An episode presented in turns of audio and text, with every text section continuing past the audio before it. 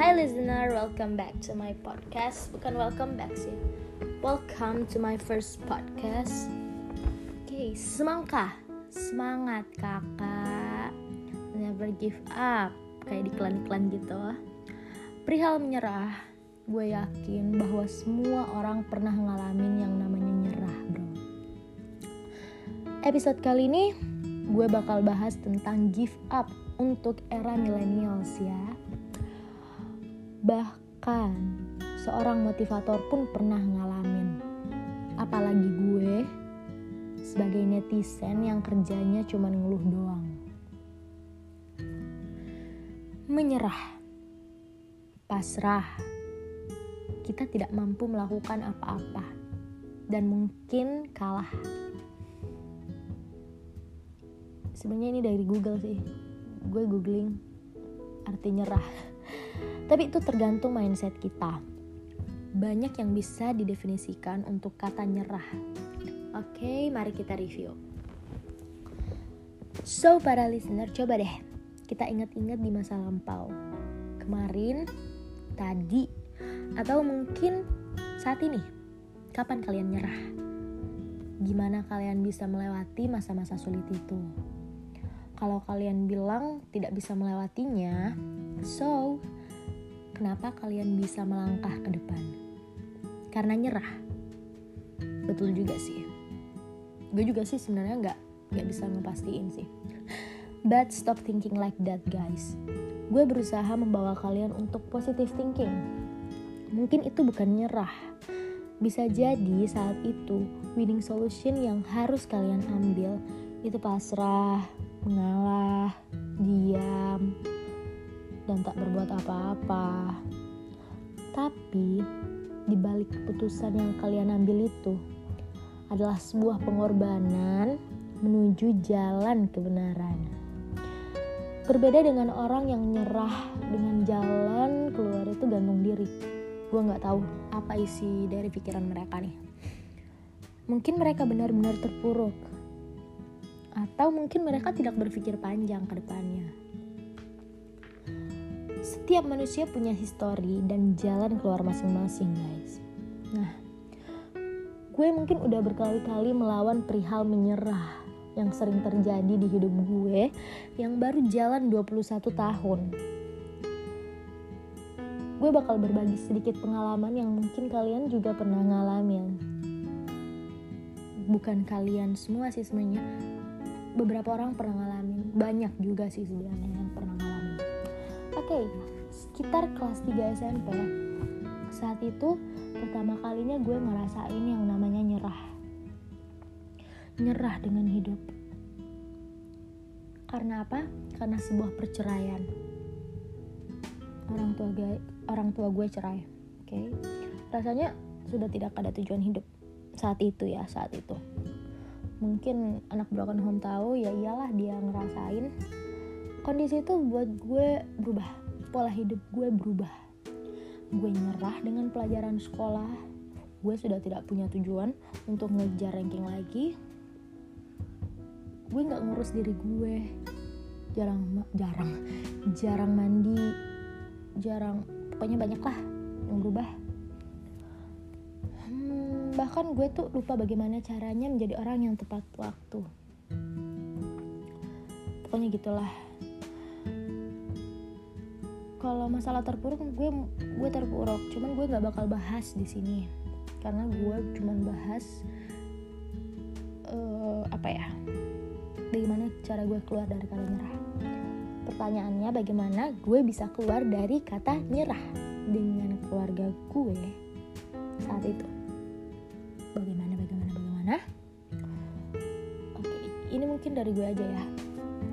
Yang pertama itu gue tanemin di diri gue tidak ada kata mantan ibu dan tidak ada kata mantan ayah.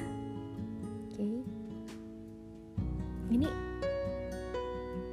sebenarnya ini juga apa ya? Susah ya jelasinnya. Sebenarnya ini tuh bukan awalnya gue nggak pernah berpikir begini cuman sering waktu berjalan berjalan berjalan berjalan gue berusaha untuk keluar dari kata nyerah gue tanamin lah tidak ada mantan ibu dan mantan ayah. Kedua untungnya kedekatan gue dengan mama itu deket banget dulu ya deket banget sebelum cerai ini. Bahkan setelah cerai juga gue dekat so itu membuat gue kalau gue pengen lari ke hal negatif gue selalu terbayang mama di pikiran gue gue kasihan nih. Nanti kalau gue gini lari ke negatif mama gue disalahin pasti? Kayak gitu pokoknya pikiran gue. Yang ketiga nih gue positive thinking. Tuhan memberikan teman-teman nakal tapi ngejagain gue dari hal-hal negatif nih. Ini nih gue syukur banget nih. Teman-teman gue tuh nakal mungkin bahkan bahkan sudah sabu-sabu sudah pernah mungkin minum ciuman apa segala macam main cewek tapi mereka tuh nggak pernah ngajarin gue untuk menuju ke hal-hal negatif itu. Mereka malah ngibur gue dengan hal-hal positif. Uh, nyanyi-nyanyi lah segala macem ongki-ongki lah yang mungkin itu useless buat kalian tapi itu itu nggak useless buat gue. Soalnya itu yang bisa apa ya yang bisa menghibur gue. Yang bisa ngestop gue untuk lari ke hal yang negatif cuy. Gue itu bukan orang yang suka membaca. Gue males orangnya deh. Pokoknya males untuk mencari tahu. Tapi untuk hal ini gue mencari bacaan-bacaan video film segala macam tentang broken home. Tapi gue lihat dari dua sudut pandang. Yang pertama di mana ada broken home yang benar-benar broken rusak parah. Dan ada juga broken home yang bisa memotivasi broken home lainnya menuju jalan yang benar. Nah gue di posisi mana saat itu? Enggak keduanya. Saat itu gue memilih jalan tengah yaitu diam dan tak peduli dengan orang-orang. Gue benci dikasihani. Gue benci dikasihani. Tapi gue butuh perhatian.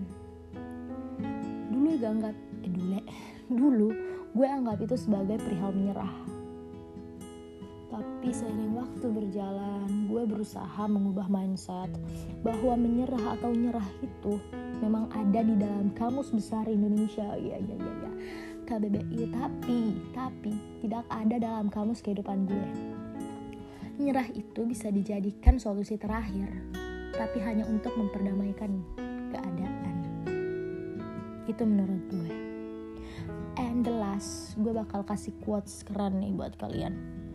So, ini ada quotes dari Socrates, Socrates, gimana sih bacanya nih? Socrates. Pokoknya ini gue juga lihat di Instagram sih sebenarnya. Socrates, dia tuh berkata, "Cobalah dulu baru cerita. Pahamilah dulu baru berkata, dengarlah dulu, baru beri penilaian, bekerjalah dulu, baru berharap. Terus sangkutannya di mana guys? Nah, Sak eh Socrates, Socrates, eh Socrates, Socrates, Socrates ini, menurut gue nih, Socrates ini tidak menyarankan kita untuk menyerah, listener. Cobalah. Cobalah apa ya? Cobalah mengerti. Cobalah untuk jangan nyerah atau ubahlah ubah ubah ubah aja. Kata nyerah itu ubah kata nyerah apa ya? Ah tau dah pusing gue pokoknya gitulah deh. Jangan nyerah pokoknya. Nanti yang sakit Allah